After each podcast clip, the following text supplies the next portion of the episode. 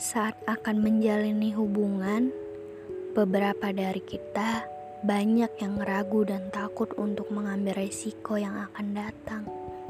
Mungkin karena luka sebelumnya belum sembuh betul, atau sudah sembuh tetapi teringat sakitnya kembali. Yang namanya fase kasih sayang memang sudah garisnya begitu, bukan?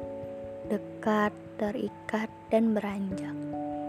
Dan setelah merasakan sakitnya, beberapa dari kita juga memilih tidak terlalu berlebihan dalam menunjukkan rasa kasih sayang, termasuk aku.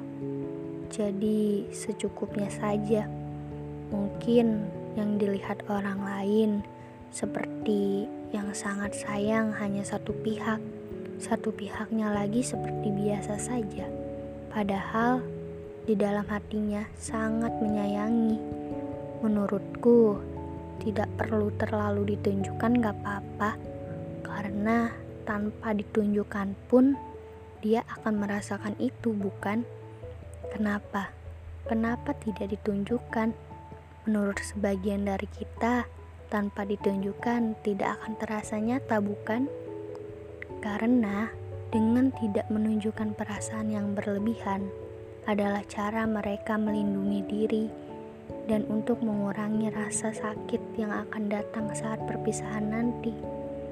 Namun, setelah aku melakukan itu, mencegahnya dengan cara apa pun, rasa sakit kehilangan orang yang kita sayang akan selalu sama. Karena pada dasarnya, ketika menaruh hati dengan tulus pada seseorang, tanpa sadar kita sudah menyerahkan seluruh hati kita